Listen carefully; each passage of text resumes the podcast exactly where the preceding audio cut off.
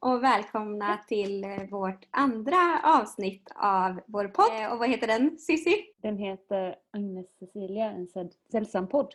Och idag så eh, ska vi som vanligt prata om vad vi har läst sen sist. Men vi ska också prata om läsdagböcker. Olika typer av läsdagböcker och hur vi har använt dem, varför vi har använt dem och lite sånt. Varmt välkomna! Ska vi börja? Vad har du läst sen sist Agnes? Ja, eh, jag har ju tittat min läsdagbok då eftersom jag har så himla dåligt minne. Ja. Eh, och kan konstatera att jag har läst tre böcker sen sist. Och det är Clarice Lispector, hennes bok Nära det vilda hjärtat. Och den läste vi i vår bokcirkel. Och sen har jag läst en eh, bok som heter Miseria, som är en ungdomsbok av Melody Farshin. Och så nu senast eh, så läste jag en annan ungdomsbok eh, som heter Fula tjejer och som tre författare har skrivit tillsammans. Det är Johanna Lindbäck, Lisa Bjärbo och Sara Olsson. Så det är liksom de jag har hunnit avsluta. Men sen håller jag också på med en bok av eh, Susan Faludi eh, som heter Mörkrummet som är någon slags biografi eller liksom reportage om eh, hennes pappa som kommer ut som transkvinna vid typ 76 års ålder eller något. Så den håller jag på med just nu. Vad har du läst sen sist? Jag har också läst tre böcker, läst ut tre böcker sen sist. Och jag tror att jag nämnde två stycken förra gången av dem som jag faktiskt har läst ut nu. Jag har läst ut Vi har alltid bott på slottet av Shirley Jackson.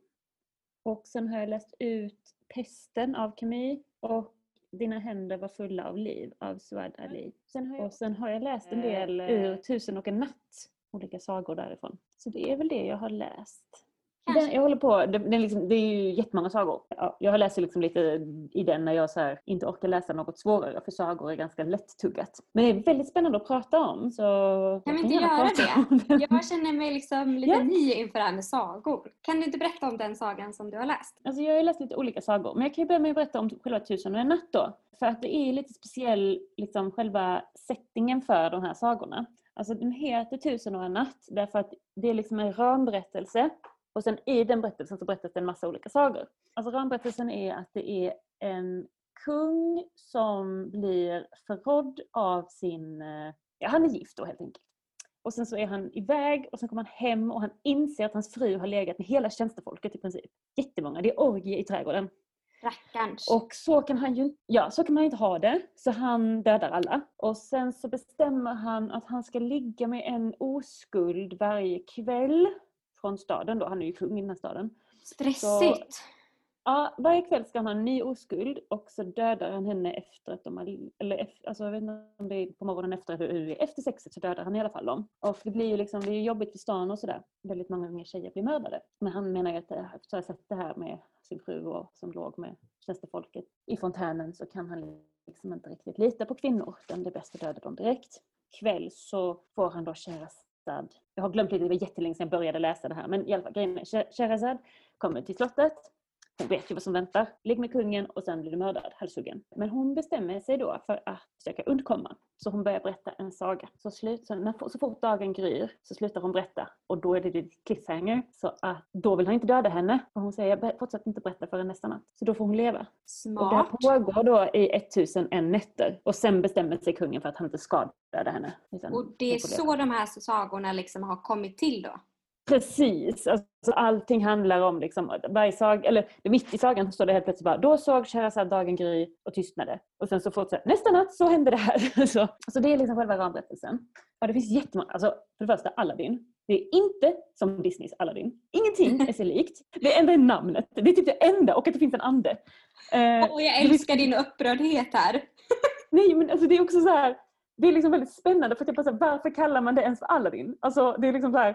Det är typ som så här, Rödluvan och vargen men vi har bytt ut vargen mot en häst. Alltså det är liksom, det finns, det finns liksom ingenting som påminner om den sagan. Men däremot en, en sagan som jag läst nu så finns hela den här scenen när Aladdin ska gå in i grottan och hitta lampan åt Jafar. Den scenen har varit med här nu. Det var spännande, det var en helt annan saga. Så det verkar som att alla din liksom Disney-versionen är någon liten sån potpurri av Ja, Eh, väldigt en natt. Men det är intressant för att, alltså så här, jag tänkte någonstans att ja, ja, men det är folksagor, de är väl typ, alltså jag tänkte, ja men Rödluvan, Askungen, alla de här bröderna Grimm liksom. Det är inte alls så. För det första, det är mer en stadskultur på något sätt som den utspelar sig i. Det är liksom, det är, även om det är åsnor och kameler och sådär liksom, så är det ändå mer man befinner sig ofta i städer. Väldigt mycket guld och ädelstenar, mycket rikedomar, mycket andar av olika slag. Det, alltså det finns ju magiska inslag i sagor men de är ju så här, det är feer och saker som är förtrollade på ett annat, det är liksom olika typer av förtrollningar.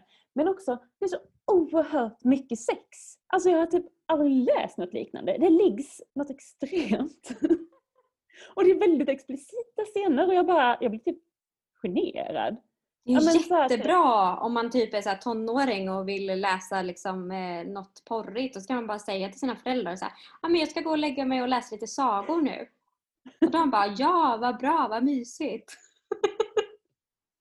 Jag älskar hur du liksom snurrar där. Ja, i alla fall. Jag vet inte, men det är liksom sak så här, hon satte sig på hans pinne och det ena och det andra. Det är mycket spännande. Det är också ganska så här, det är lätt att, eh, här, jag vet inte, det är på något sätt lättläst lättsmält. Så här. Typ igår kväll när jag hade läst ut när dina händer var fulla av liv så var det så här, okej okay, men vad ska jag läsa nu när jag lägger mig? Ja men jag läser några sidor i den här. Skulle du säga att det är ehm. liksom kvällslektyr? Ja, eller alltså det kan nog funka när som helst. Man får ta det i små portioner för det var väldigt mycket samma sak. Alltså sagor har ju en tendens att upprepa sig. Det var tre önskningar eller det är tre friare. Alltså, det är mycket sådana här magiska någon... siffror. Ja, precis. Det är mycket magiska siffror. Det är mycket att någon ska gifta sig. Många är förtrollade. Men det låter ju ändå härligt. Alltså, magiska siffror, sex, ja. vilket som både är en siffra och eh, ett innehåll här då.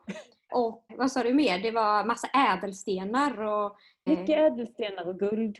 Det låter ju helt fantastiskt. Jag måste ju helt klart läsa något av det här. Ja, men det är bara att ge sig på. Skulle du tipsa om någon liksom, särskild saga från den här samlingen? Nej, det, det, alltså jag måste erkänna att det blandas ihop ganska mycket i mitt huvud. För många sagor är väldigt långa. Som det då delas upp av att helt plötsligt så är det morgon. Och sen kan, många, kan det vara en saga och sen så finns det undersagor i den. Så att så här, det är typ ett hus där bodde några tjejer som av oklar anledning bara ligger med olika män varje natt. Och en natt kommer det då tre munkar. Och så är det första munkens historia och så är det andra munkens historia och så är det tredje munkens historia. Man bara okej. Okay. Som blir liksom en separat grej och sen kommer man tillbaka.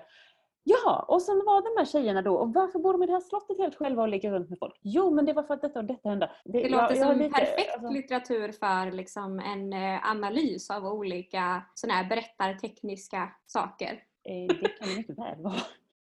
Kanske det jag ska säga om husen och Nej men jag tycker det är spännande att läsa den. Liksom. Alltså för det är, ändå, det är ju en kulturhistoria som, jag vet inte riktigt egentligen hur stor den är i arabvärlden idag. Alltså om det är så här sagor som alla känner till eller om det liksom bara är något gammalt. Men det har ju liksom, åtminstone i västvärlden är det ju känt. Liksom.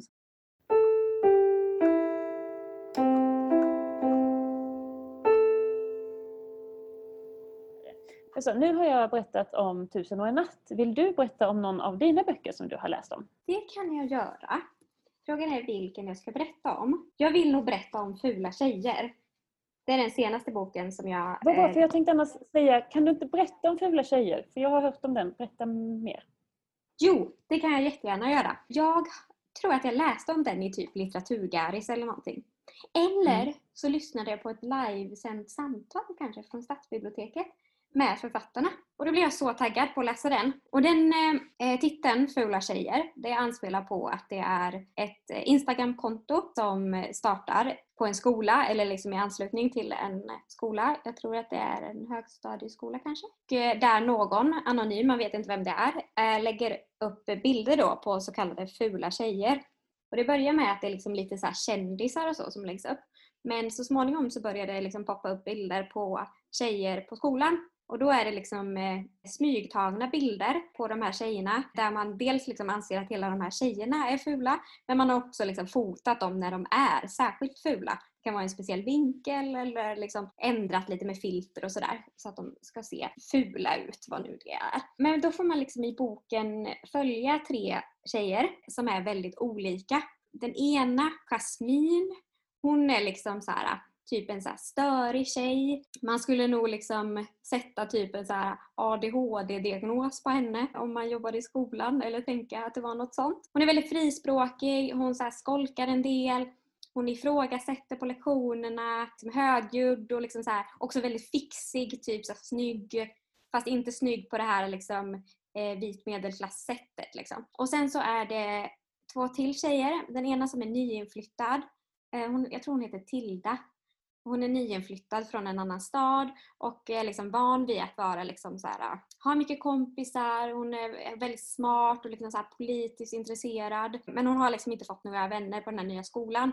Och eh, många tycker hon är ganska störig för att hon liksom eh, ifrågasätter hela tiden på lektionerna och kommer med så typ feministiska, vad ska man säga, feministiska kommentarer och sådär. Alla tycker hon är lite så PK-störig typ. Och sen så är det en sista karaktär som heter typ någonting på E jag kommer inte ihåg. Eh, och hon är liksom en så tyst tjej som inte gör så mycket väsen av sig, sitter alltid själv, och sitter och antecknar, ingen vet riktigt vad hon gör. Liksom. De kallar henne för professorn, lite nedlåtande.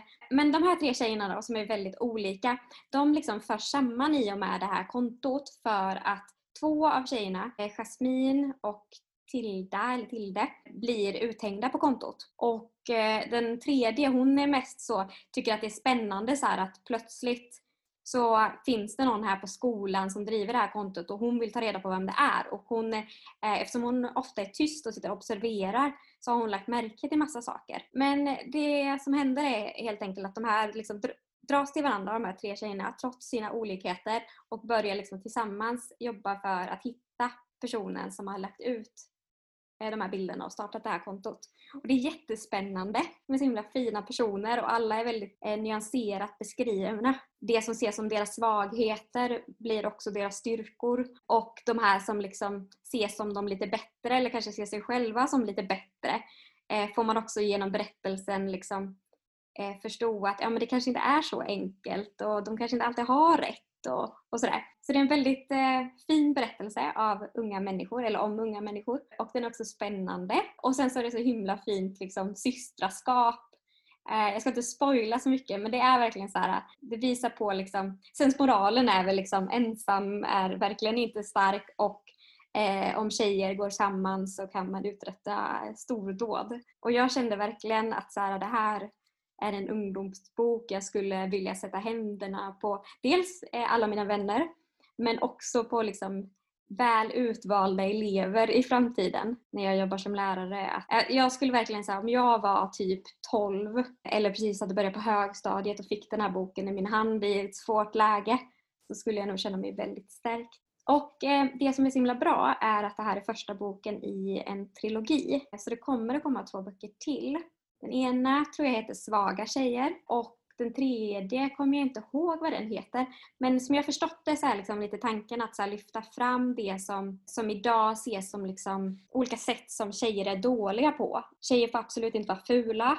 Eh, tjejer får absolut inte vara svaga idag utan man ska vara en stark tjej som står på sig. Och sen var det en tredje också som jag inte riktigt kommer ihåg. Det var skitrolig läsning så den kan jag verkligen rekommendera. Och det är en fantastisk titel. Alltså ja. titeln är ju genial. Det låter ju väldigt bra. Eller så här, jag blir väldigt sugen på att läsa när du säger det. Och jag är inte alltid en jättefan av nyskriven ungdomslitteratur. Men eh, det här låter roligt. På ja, alltså eh, jag slås av när jag läser riktigt bra ungdomslitteratur att det verkligen förstås är skillnad på ungdomslitteratur och ungdomslitteratur. Det blir så lätt så här ihopklumpat. Men jag läste till exempel den här Miseria som också är en ungdomsbok eh, precis innan. Och den uppskattar jag inte alls på samma sätt. Den tyckte jag var mycket mer platt. Liksom. Karaktärerna var platta, språket var mycket plattare. Även om jag kan se vinsterna med den också. Liksom. Att eh, eh, många ungdomar säkert kan spegla sig i den och så. Men eh, det, är liksom, ja, det känns som det var helt, eh, två helt olika nivåer av ungdomslitteratur trots att de utspelar sig i samma liksom, tid och de är skrivna i samma tid och, och sådär. Jo, alltså det är klart, alltså det finns ju, och jag menar jag läste i våras läste jag The Hate You Give som jag tycker jättemycket om. Men precis som du sa, alltså den är ju väldigt nyanserad. Och det är väl det som gör att den är bra. Det är samma sak med vuxenlitteratur egentligen. Det är väl bara att det kanske känns som att åtminstone jag hittar mer onyanserad. Mm, ja, och sen kan jag också känna ofta att ungdomslitteratur är så himla... Alltså jag blir så här, jag orkar typ inte det är liksom som att all... Ja, jag vet inte. Det... Ja men verkligen, det kan, jag, det kan jag också känna. Och också, jag kan tycka ibland att det är svårt att avgöra om det är så att jag är fel målgrupp eller om det inte är bra skrivet. Men när man väl läser något som är väldigt bra skrivet så inser, eh, inser åtminstone jag att det kan både vara välskrivet och passa en liksom, vuxen läsarkrets och vara god, eh, bra ungdomslitteratur som eh, Mm. liksom attraherar de det faktiskt är skrivet för. Apropå nyanserade karaktärer. Shoot! Eh, då vill jag gå vidare till Dina händer var fulla av liv av Suad Ali som jag har läst den här veckan. Ja, visst är det den som har ett så fint omslag? Den är så fin! Herregud, jag vill typ så här ha den framme och klappa den. Ja, eller typ rama in Ehm, den. Det handlar om en tjej som heter Nora som är född i Somalia. Jag skulle gissa, jag försökte typ så här tänka. Jag skulle tro att hon är född ungefär 1970. Den här boken är delad i tre delar. Första delen utspelar sig under 80-talet i Somalia. Och man får följa Nora då när hon är typ, ja, jag vet inte hur gammal hon kan vara, 10. Ehm, hennes lilla syster Ayan föds efter ganska tidigt och så flyttar familjen till Mogadishu. Då, I Mogadishu börjar hon gymnasiet och blir genast kompis med några stycken där. Och det liksom, ja, för mig så var det, liksom, det var typ där boken började, när hon flyttade dit och började gymnasiet. För det var liksom då det liksom tog fart. Och då var hon typ 16. Och hon kommer från en väldigt privilegierad bakgrund. Liksom pappan är läkare, utbildad i Italien. Eh, de har ett stort fint hus med liksom högt i tak och tjänstefolk. Det är självklart att hon ska studera liksom på gymnasiet och studera vidare och sådär. Och under 80-talet som jag... Alltså det, man får veta lite om Somalias historia men inte, inte tillräckligt tycker jag. Nej men alltså det, det är liksom en hyfsat stabil situation, åtminstone för de rika. Det var någon, nu jag kunde ha googlat det här men jag har inte gjort det. Jag har googlat många andra saker. Det var någon form av krig mellan Somalia och Etiopien. Och så att det finns liksom flyktingläger utanför Somalia och så på något sätt så blir Nora, alltså Noras föräldrar är väldigt så här, de vill inte att hon ska veta någonting om det utan så här, hon ska bara typ fokusera på, att, på sina studier och liksom inte bry sig om så alla problem som finns. Men när hon börjar gymnasiet så lär hon känna ja, tre stycken andra som hon blir kompis med, bland annat en kille som heter Ahmed. Och eh, han kommer från en helt annan bakgrund än henne, eh, inte alls lika privilegierad och han bara säger ja men du bara sitter där och är helt rik och vad vet du om flyktinglägren utanför Mogadishu? Och hon bara eh, ingenting. Typ. och han tar med henne dit och liksom att hon bara oj shit det är så här det ser ut. Och folk bara så här, du är så himla rik, vad gör du här? Ge mig dina saker typ så att jag kan köpa mat. Du behöver inte de fina skorna. Eh, jag behöver mat typ. Eh, att det blir liksom ett uppvaknande att, så här, att allting inte är perfekt, att allting inte är så himla bra. Eh, och hennes och de stödjer regimen som är en mer eller mindre militärdiktatur. Sen ja, så går hon ut gymnasiet, gifter sig, jag ska inte säga med vem, det är spännande att läsa om det. Och börjar jobba som lärare, eller ja, hon pluggar. Det är, liksom, det är också lite hopp i tiden ibland så att hon går i gymnasiet och sen helt plötsligt är hon lärare. Det är, liksom, det är några år där som man inte riktigt liksom vet någonting om men hon har utbildat sig till lärare och börjar jobba på gymnasiet på en, liksom, den bästa gymnasieskolan i Mogadishu. Och eh, sen blir det då krig som jag antar att många vet. 90, 91 föll regimen. Det nämns också en del om det här med klanerna och klanmotsättningarna. Och att hon tillhör liksom samma klan, tror jag, som Siad Barre eh, som var eh, diktator. Samtidigt som hennes föräldrar liksom försöker att, och som jag, ja, det har jag googlat, att Siad Barre ändå försökte komma bort från klansystemet men att det, ändå, det spelar ändå roll. Liksom. Alltså det är väldigt svårt att ta sig ifrån det. Ja, I alla fall, det blir krig och tillvaron slås i spillror, skolorna stänger. Lilla systern Ayan får inte gå i skolan för det är osäkert att gå ut. Det är väldigt hemskt. Alltså, jag har väldigt svårt att läsa om så krig. Jag tycker det är jättejobbigt. Så får man följa liksom flykten från Mogadishu. Och dels, för då flyr de lite i grupper, liksom är inte hela familjen tillsammans. Så de delas upp och Ayan och pappan åker tillsammans. Och också med, de åker med Noras man och sen så Nora och hennes mamma åker tillsammans med Noras dotter. Och då landar de i, eh, i. Sandviken eller något sånt va? Sundsvall? Ja, i slutändan hamnar Nora och hennes dotter i Sandviken. Alla överlever inte flykten. Och det är också, alltså det är sån, jag vet inte, hjärtskärande scen om en, en båt. Det här har tydligen hänt på riktigt. Att en båt som gick från Somalia till Kenya förliste och väldigt många människor dog. Över 100 personer dog. Är helt I alla fall så hamnar Nora i Sandviken och det är bokens tredje del om hur hon kommer till Sverige och inte kan jobba som lärare för hennes utbildning är inte värd någonting och det är svårt att lära sig svenska. Hon blir liksom, dels finns det, massa, det är på 90-talet då, det är massa liksom skinheads och sen när hon också hon blev vän typ med sin granne som är så här gammal missionär typ som bara så här åh det är så fint att få träffa dig som är från det exotiska Afrika. Vi ska ha en kulturfestival med er afrikaner och alla de här rasisterna så de får lära sig hur fint allting är. Man vill typ lite så här panka huvudet i väggen samtidigt som att man kan ändå se att typ den här brittgrannen vill väl men när man bara nej. Och också hur liksom, alltså några har ju typ PTSD, eller så här, hon mår väldigt dåligt psykiskt. Alltså har väldigt svårt att liksom, alltså mentalt ta sig vidare från liksom, kriget och allt som hände då. Alltså just att hon blir utsatt för rasism och hennes dotter är den enda svarta i skolan känns det som, eller åtminstone i sin klass. Och det är så här, vi har aldrig haft ett svart barn innan, gud vad spännande. Och att hon typ mår dåligt över att hennes dotter utsätts för det här samtidigt som hon har liksom, sin mamma och sin syster kvar i Somalia och försöker stödja dem med pengar men hon, har, hon jobbar som städare och har inte jättemycket pengar själv. Att det, är liksom, det är en ganska jobbig tillvaro, att hon liksom räcker inte till för någon och hon mår verkligen inte bra själv. Och sen så är det så här, jag tyckte typ det var lite roligt och lite hemskt med så här, det är några somaliska kvinnor i Sandviken som typ kommer och ska bli kompisar med henne. Bara, Hej välkommen till Sverige, typ, nu bor vi här allihop. Och de beskrivs på ett väldigt roligt sätt, de här två, två kvinnorna som hon väl är vän med, men kanske lite mot sin vilja. Men det, det, är ändå så här, det är ändå någon. Liksom. Men det, jag kände liksom att när jag var klar var jag bara, va? Är det slut? Och det är ju ett väldigt bra betyg. Ja, eller hur?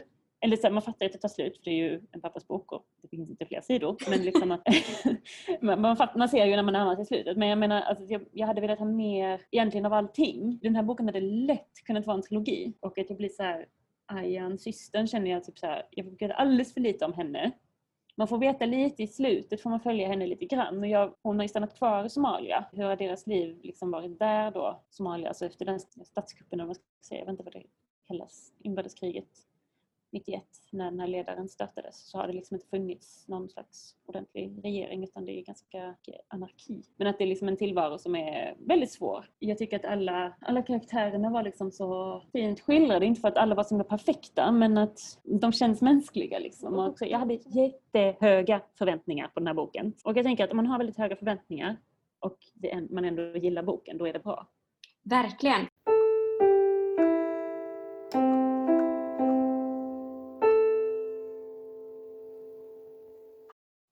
Apropå att läsa böcker från länder som inte är Europa eller USA. Mm. Hade du läst Clarice Lispector?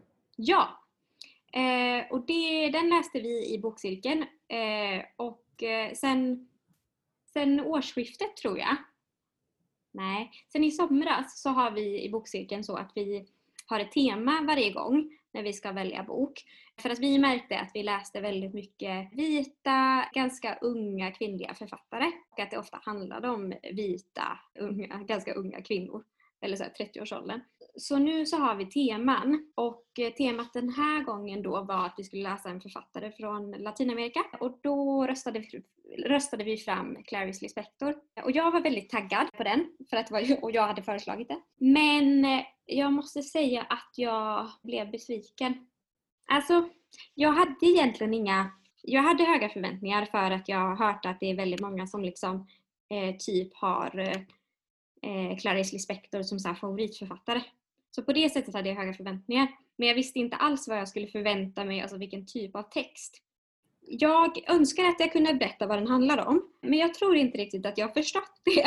Man får följa liksom en huvudkaraktär som är, det är liksom en, ett barn som växer upp och blir så ung kvinna och sen kvinna. Och det handlar väldigt mycket om hennes tankevärld snarare än vad som liksom faktiskt händer. Men den är liksom, som jag har förstått det så har den sett som en väldigt radikal bok. Den skrevs på 30-talet. Den liksom kritiserar äktenskapet så det kan man ju förstå att den var ganska radikal. Och dessutom, när jag läste den så kändes det verkligen som att den kunde vara skriven idag. För det var ett väldigt så modernt och lite så svulstigt, köttigt, rakt språk. Det var inga så förskönande omskrivningar direkt. Men eh, den var ju lite snurrig va? Det bytte liksom pronomen. Ibland var det jag och ibland var det hon. Fast jag tror att det var samma person som var jag och hon. Och sen var det liksom hennes man som var med. Och jag tror att han ibland hette Otavio och ibland var han bara mannen. Fast liksom inte mannen som min man, utan mannen. Jätteförvirrande.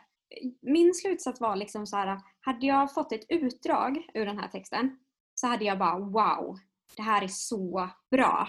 Liksom, för att det är, ett väldigt, det är ett väldigt häftigt språk. Lite, tänk lite typ Nattens skogar, har du läst den? Eh, Eller, den står på att läsa-listan. Mm, lite som Nattens skogar, lite Virginia Woolf. Det är liksom väldigt mycket som händer i språket. Virginia Förlåt, Woolf. men Virginia Woolf tycker jag är väldigt svår. Ja, ja men precis. Ja, och det, det håller jag med om. Jag gillar Virginia Woolf, men man fattar ju ingenting. Ja, nej, Eller, okej vad skönt. Ja, inte jag heller. Men, eh, och jag känner att det här var lite samma, men som en hel bok. Och just i det läge jag befinner mig nu så liksom kunde jag inte riktigt uppskatta det. Jag tror att jag mer är behov av tydliga berättelser just nu. Och det är kanske är därför som jag har läst mycket ungdomsböcker. Men då kan jag ju rekommendera Dina händer var, full- var fulla av liv. Mycket tydlig berättelse. Ja, gillar det. Alltså jag inbillar mig ju ibland att jag... Eller jag, jag tycker själv om att skriva och sådär. Eh, och skriver ofta ganska obegripliga saker själv. Så då inbillar jag mig att jag gillar att läsa sånt också. Men de gånger när jag väl läser en, en bok som verkligen är en berättelse, typ en deckare eller en ungdomsbok, så bara så här, åh, vad härligt! Är det så här det är att läsa? så jag kanske bara ska sluta läsa såna här komplicerade texter. Ja, men man behöver kanske både och. Det är och väl så kanske man behöver det här konstiga för att uppskatta det enklare. För jag märker också att när jag läser väldigt mycket i våras till exempel hade jag en period när jag läste, alltså jag kunde läsa typ två, tre böcker i veckan. Eh, och det var mycket den här typen av berättelser liksom. Det var inte tjocka böcker men det blev liksom, det var ändå väldigt mycket och till slut var det som att allting bara flöt ihop. Alltså att det blev inget, då kände jag att nu behöver jag något lite mastigare. Och då började jag läsa Bröderna Karamazov och den är fortfarande inte klar. Det är alltså 800 sidor Dostojevskij. Åh, alltså jag kan inte tänka mig något värre. Gud vad plågsamt. Fast den är ändå helt okej. Nu känns det bara så här, vet, jobbigt för att det var länge sedan jag läste i den. Men jag, alltså, jag tyckte ändå att den var ganska bra. Jag har också läst Brott och straff och den fattar jag, eller fattar inte, jag tycker den är tråkig. Den tilltalar inte mig och det som andra säger tilltalar dem. Det tilltalar inte mig. Jag vill inte, jag bara, det gör det gör boken bättre för mig. Jag vet inte. Det handlar inte bara om någon psyke som Brott och straff gör. Men Eh. alltså den här Karamazov, är han liksom en osympat eh, författare Ja, menar jag? alla är osympatiska. Dostojevskij? Ja, jag menar Dostojevskij. Jag, jag vet inte vem, alltså. Är han Han var en osympatisk? 1800-talsman. Han var Han var ju säkert osympatisk. Han var väl... Men jag tänker att han var så här, kanske inte liksom den värsta du kan tänka dig. Men jag menar, en 1800-talsperson, trevlig kan han vara. Men har han skrivit någon kort bok? Ja, ty- jag tror det, men jag har inte läst dem.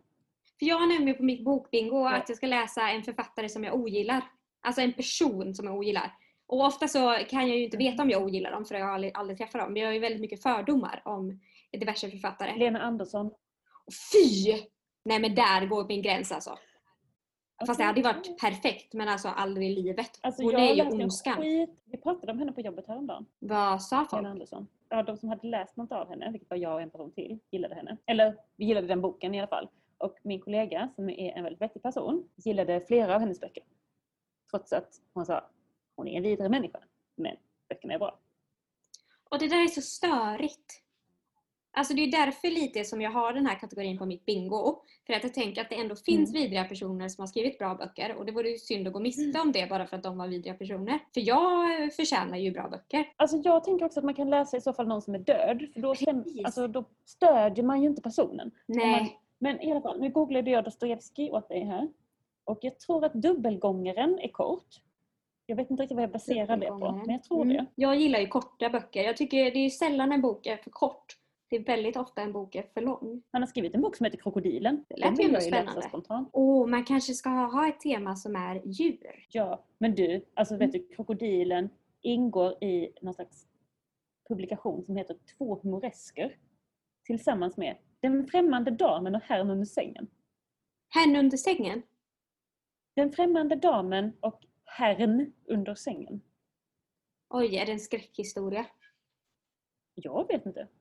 Jag tänkte, det heter ju humoreska. Ja, då borde det ju vara fanns roligt. i bokform. Fast vem Spelaren tycker att det är roligt med en man under sängen? Men damen och herren under sängen, de är ju där båda två. De är där båda... Åh, det är också sex! Jag vet inte. Men, eller det är så jag tolkar det. det jag i och för sig kommer på att man kan tolka det på olika sätt. Ja, men, eh, damer och herrar kan ligga under sängen utan att ha sex, vill vi ju säga. Det var du som sa sex, jag sa ingenting om sex. Jag sa tyckte bara det var kul att folk var under sängen. Eh, Nu har vi ju pratat Ja. om att man liksom eh, lite i så olika perioder behöver olika typer av böcker och liksom ogillar olika typer av böcker också, eller texttyper eller vad man ska säga. Och då tänker jag ju genast på våra läsdagböcker. För jag kan väldigt tydligt, jag har skrivit läsdagbok sedan 2001 och då var jag alltså Wow. 10 år gammal. Så sen jag var 10 har jag liksom skrivit alla böcker jag har läst. Förutom kurslitteratur om jag inte har tyckt att den varit fantastisk, för då kan jag ha skrivit den också. Men jag kan ju väldigt tydligt se vart jag har befunnit mig i livet när jag tittar i min läsdagbok. Det är liksom så här, ah, okej, här var Agnes 13, eh, var liksom så här deppig eh, tweenie, nästan tonåring, eller ja, tonåring. Eh, och eh, läste bara om så här, eh, Afghanistan och eh, Somalia och krig och flickor som flydde och sådär under något år. Och Mm. under andra perioder så var det så här, ah, nu har Agnes snöat in på djurrätt här och läser bara massa så här djurrätts eh, etik och filosofiböcker. Kan du se några sådana tendenser i ditt läsande utifrån dina läsdagböcker? Nej, och kanske den främsta liksom, anledningen är kanske att jag inte har skrivit läsdagbok lika mycket och inte lika regelbundet. Jag hittade min läsdagbok här, letade fram den och den började 2003. Då var jag ju 19 år, alltså i princip vuxen. Så jag kan inte riktigt se det. Jag bläddrade lite i läsdagboken men det är liksom så här, det är jag skrev under 2003 och sen så hoppade jag över ett år när jag då bodde i Spanien och uppenbarligen inte tog med mig min läsdagbok dit. Och sen började det igen på hösten 2004 och så skrev jag under 2004 och 2005 ändå, och kanske 2006 lite grann. Så ibland har jag bara skrivit datum, inte år. Jag vet inte riktigt hur jag tänkte. Sen är det ett uppehåll mellan 2006 och 2011. Det var ändå lång tid. Minns du vad du gjorde då? Ja, det är många olika saker. Nej, alltså det var många, jag tror bara att jag typ så här, vet, glömde bort det. Och sen så hade jag ganska, under en ganska lång period som nog kanske var, ja, men 2011 skrev jag ner och sen så skrev jag en bok till som jag vill minnas att jag också läste 2011. Och sen så har jag skrivit 2013 och sen tog det slut. Så att jag har liksom inte skrivit så mycket. Skriver du läsdagbok idag? Jag har Goodreads. Och vad, kan Eh, du tackar för förklara för våra eh, lyssnare vad Goodreads är för något? Ja, det är alltså ett community på internet man kan registrera en sida och där kan man då registrera allt man läser. De har en jättestor databas av böcker så oftast kan du bara skriva in bokens titel och så får du upp liksom den. Så kan du skriva, kry- kryssa i. Det finns liksom tre att välja. Currently reading, read eller um, want to read. Du kan skapa egna hyllor också, egna kategorier där du liksom kategoriserar böcker och så. Men jag ska säga med de här fasta, jag har också hittat ett sätt som man kan aktivera did not finish. Så himla bra för dåliga böcker. Nice! Ja, för att ibland vill man här, jag vill ändå på något sätt säga att jag hatade den här boken. Jag läste ett kapitel och hatade det kapitlet. Men då vill jag inte, alltså, så skriver man att man har läst den för att ku- kunna sätta ett dåligt betyg. Men nu kan man bara sätta did not finish. Mycket bra. Mycket bra. Vilken funktion fyller Goodreads för dig? Varför använder du det liksom? Alltså jag är ett stort fan av listor överlag. Älskar listor. Jag kommer inte riktigt ihåg hur jag hittade det från början men på något sätt så googlade jag någonting och hamnade där.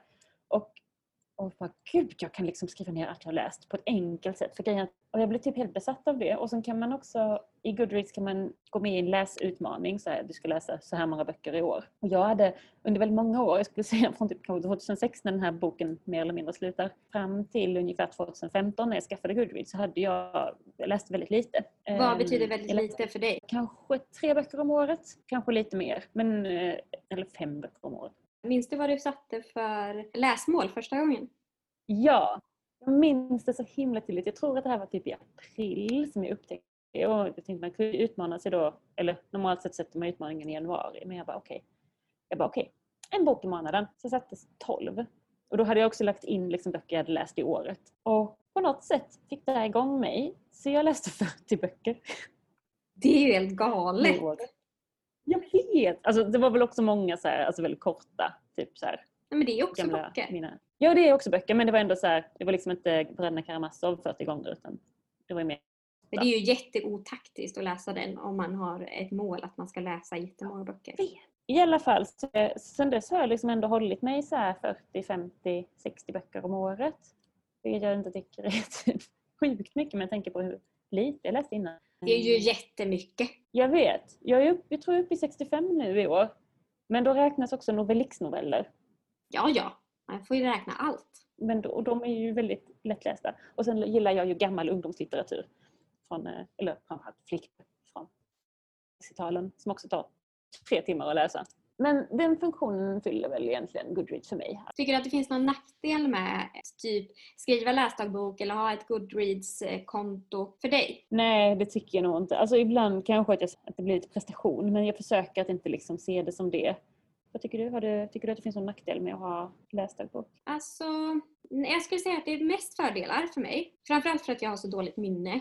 Så att jag minns ju inte vad jag har läst. Och då finns det risk att jag läser om böcker oavsiktligt. Och så inser jag typ när jag kommit så halvvägs bara, men jag känner igen det här.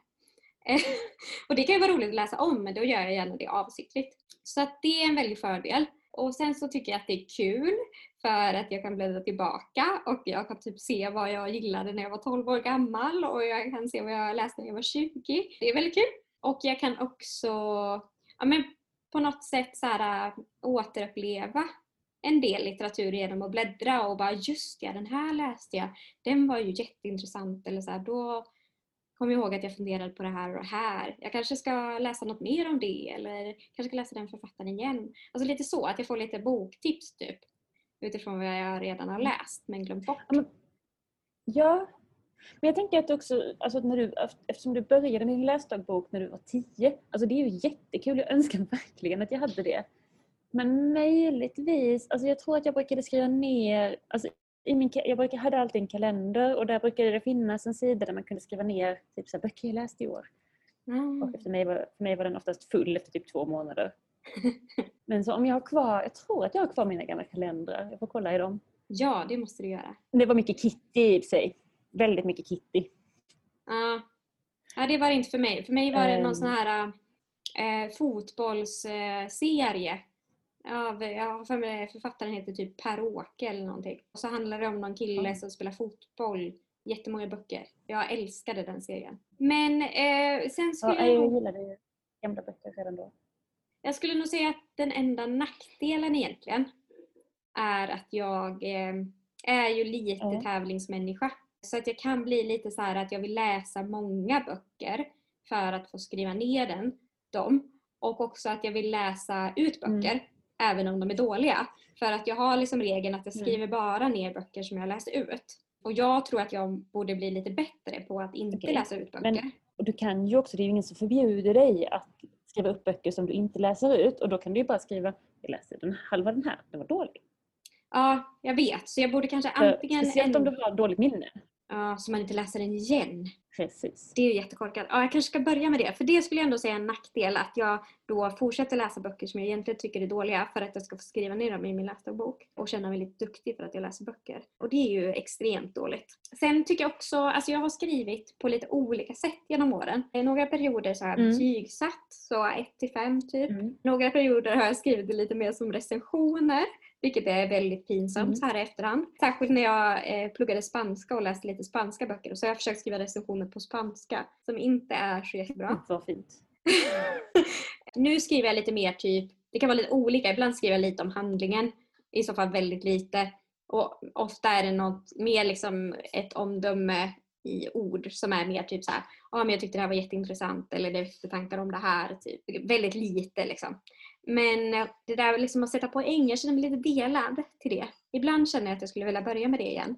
Samtidigt som att det blir liksom lite fyrkantigt på något sätt. För att eh, många gånger kan inte jag beskriva en bok så enkelt. För det kan vara att jag typ tycker språket är fantastiskt men jag fattar ingenting då. Till exempel som med Clarice Lispector. Eller att jag, ja men att det kan vara lite mer komplext än en siffra. Alltså jag håller med om det väldigt mycket. För att um, jag tittar på den här gamla boken som är min läsdagbok. Då, då finns det liksom, den är så här tryckt som man står det författare, titel, datum, anteckningar. Och jag har nästan aldrig fyllt i anteckningar utom för att typ så här, julklapp från mamma. Typ. Är det en sån där äh, röd-svart bok? Ja, den är röd, svart, den kommer från en bok för alla och så står det läsdagbok på framsidan. Åh, en sån hade jag Ehm. också. Det var min första tror jag. Men eh, så att jag har inte, där har jag inte, och jag, jag, har liksom, jag är ju inte en skrivande människa. Jag har aldrig varit, kommer förmodligen aldrig bli. Jag har liksom kanske egentligen ingenting emot att skriva men jag har liksom inget behov av det om man säger så. Och, men jag tycker också tycker att det är ganska jobbigt. Alltså speciellt, alltså kanske skriva en recension. Alltså jag var såhär, varför ska jag skriva att den är intressant? Det känns lite meningslöst. Till exempel på Goodreads kan du också skriva recensioner och jag har, tror aldrig jag har gjort det.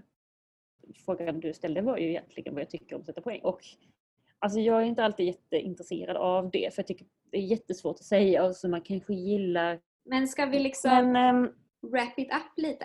ja, men jag måste ju få säga en rolig sak till bara komma på som jag ville ta upp. Och det var ju med läsdagboken när jag bläddrade i den och hittade min termin på litteraturvetenskap. Just det. Hur såg det ut i din läsdagbok då? Får jag, får jag läsa maj månad vårterminen 2005. 8 i femte, det är alltså dat- ja, datumen är när jag läste ut boken. 8 i femte, Familjen H av Fredrika Bremer. 8 i femte, Det går an av Almqvist. 11 maj, Frankenstein av Mary Shelley. 9 maj, Huset Ushers fall av Poe. 12 maj, Northanger Abbey av Jane Austen. 17 maj, Drottningens juvelsmycke av Almqvist.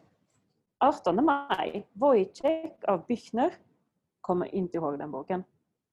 26 maj, Kappan av Gogol. Jag vet inte riktigt hur jag överlevde det här. Men eh, Alltså det låter ju helt Ja. sjukt.